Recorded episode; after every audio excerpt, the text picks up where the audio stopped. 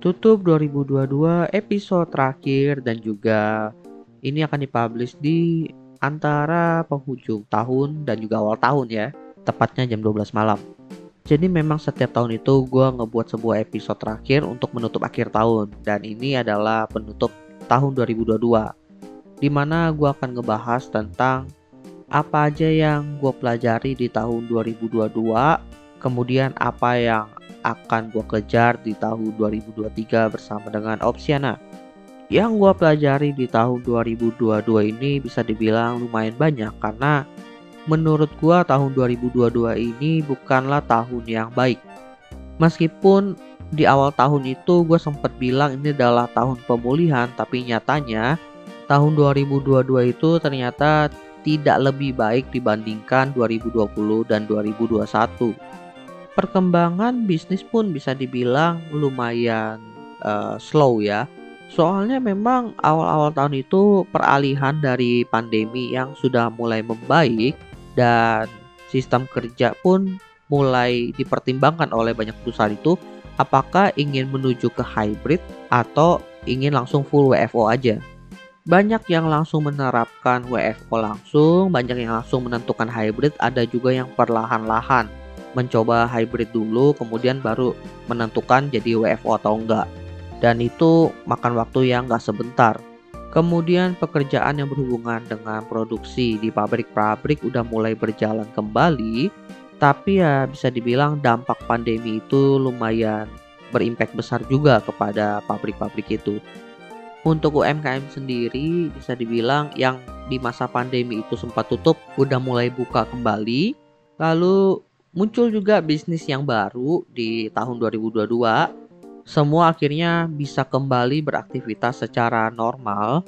Daya beli masyarakat pun perlahan mulai kembali dan dari pemerintah pun ngasih bantuan untuk UMKM. Ya bisa dibilang mau UMKM maupun perusahaan besar pun semua struggling lah untuk kembali bersinar di tahun 2022. Semuanya berusaha untuk bangkit. Tapi nggak bisa dipungkiri emang tahun 2022 ini meskipun berusaha untuk bangkit, tantangannya ada aja gitu. Salah satunya di tahun ini banyak PHK. Dan setelah gue telusuri, ini adalah cara perusahaan itu untuk survive. Tapi karena PHK yang terjadi cukup sering di tahun ini ya, ngebuat gue jadi jauh lebih waspada. Lebih mempersiapkan diri karena hal ini mungkin akan terjadi kepada gue. Selain PHK, sebenarnya ada banyak bisnis-bisnis baru, startup-startup baru yang bermunculan, tapi secara jumlah itu nggak banyak, nggak sebanyak tahun-tahun sebelumnya. Dari segi jumlah sih nggak begitu banyak ya, entah karena memang tidak dipublikasi atau memang jumlahnya segitu aja. Tapi salah satu yang menjadi rintangan untuk startup itu berkembang di tahun ini adalah investment winter. Para startup-startup baru yang bisa dibilang menghasilkan produk inovasi itu kesulitan mencari investor. Sedangkan kita tahu kalau startup itu ingin berkembang, mereka setidaknya mendapatkan pendanaan awal yang uangnya itu bisa dipakai untuk pengembangan produk dan juga pengembangan bisnis di awal untuk menggait user dan mereka kesulitan mendapatkan itu. Dan ya hal ini terjadi bukan cuma di Indonesia ya, tapi secara global terjadi. Tapi terlepas dari masalah-masalah yang terjadi, gue cukup salut nih sama Indonesia karena di tahun ini Indonesia banyak menggelar event internasional yang impactnya tentunya bagus untuk masa depan Indonesia nanti. Oleh karena itu ya kita sebagai masyarakat sebenarnya udah mulai harus bersiap dari sekarang ini menjadi penompang kalau seandainya nanti di masa depan kebijakan dari event-event tadi yang kayak G20 itu dijalankan kita itu bisa turut berkontribusi. Dari hal-hal yang terjadi di tahun 2022 ini, akhirnya gue berusaha untuk menjadi lebih realistis lah di tahun 2023. Karena dari segi target aja banyak yang di tahun 2022 ini gagal gue lakuin. Karena bisa dibilang gue awalnya cukup optimis di tahun 2022 itu benar-benar pemulihan semua bisa bergerak dengan cepat kembali dan ternyata pergerakannya nggak secepat itu meskipun dari segi konten ya gue kan ada bikin konten di tempat lain juga dan berusaha untuk mencoba ngebangun personal brand itu hasilnya lumayan positif tapi jujur gue merasa kurang puas dengan hasilnya karena nggak optimal. Sehingga gue memutuskan untuk di 2023 ini gue akan fokus di Opsiana dan juga satu akun konten gue lagi dan gue akan mundur sejenak untuk ngebangun personal brand. Karena jujur sih kalau ditanya Edwin itu siapa? Gue juga masih bingung sampai sekarang. Siapa identitas gue yang pengen gue tampilkan dalam personal brand gue? Meskipun kalau dilihat dari Opsiana sih itu udah lumayan jelas ya, gue orangnya tertarik ke bidang startup, teknologi, dan juga bisnis. Tapi gue merasa gue belum bisa menggambarkan itu secara personal. Tapi nggak apa-apa, gue akan berusaha uh, ngebangun Opsiana lagi dan juga salah satu akun yang tadi agar jauh lebih optimal ke depannya.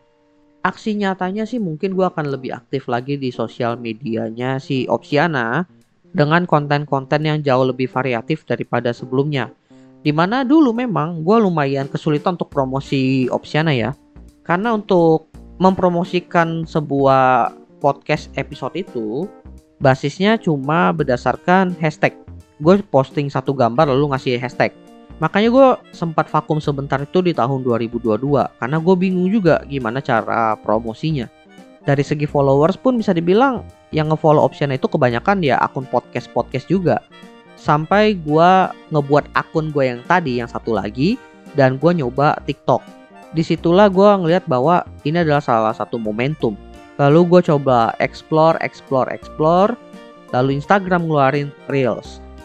Opsiana di tahun ini sebenarnya udah punya TikTok.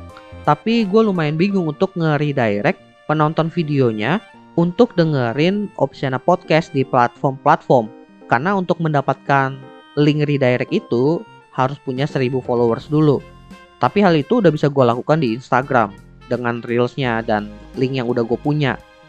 Makanya gue mungkin akan lebih fokus di reels dan Instagramnya Opsiana. Karena menurut gue di situ juga kontennya jauh lebih variatif ya. Dan untuk Opsiana ini menurut gue juga cocok untuk gue explore di LinkedIn. Tapi di LinkedIn ini nantinya gue akan pakai akun pribadi gue sendiri. Karena gue pengen ngebangun interaksi yang jauh lebih hidup jadi antar manusia gitu bukan antara manusia dengan akun Opsiana enggak gue pengen antara gua sebagai hostnya dengan pendengar atau mungkin orang-orang yang komen di sana gue pengen engagementnya lebih hidup dan hal itu pun udah mulai gue terapkan di di akun Opsiana di tahun 2022 ini di mana di situ udah mulai nampakin muka gua secara penuh. Karena memang di awal-awal gua nge-podcast itu gua nggak bertujuan untuk nampilin muka. Karena menurut gue buat apa? Orang kan dengerin podcast juga nggak peduli muka. Tapi sekarang karena tujuannya untuk mempromosikan dan membuat podcastnya menjadi lebih hidup gue akan mulai sering nampilin muka di akun tersebut Well, gue rasa itu aja sih yang pengen gue bahas untuk menutup akhir tahun 2022 ini. Thank you buat teman-teman yang sudah mendengarkan. Selamat tahun baru 2023 buat teman-teman semua. Semoga tahun 2023 menjadi tahun yang baik dan penuh rezeki buat kita semuanya. Gue Edwin dari Opsiana. Thank you semuanya.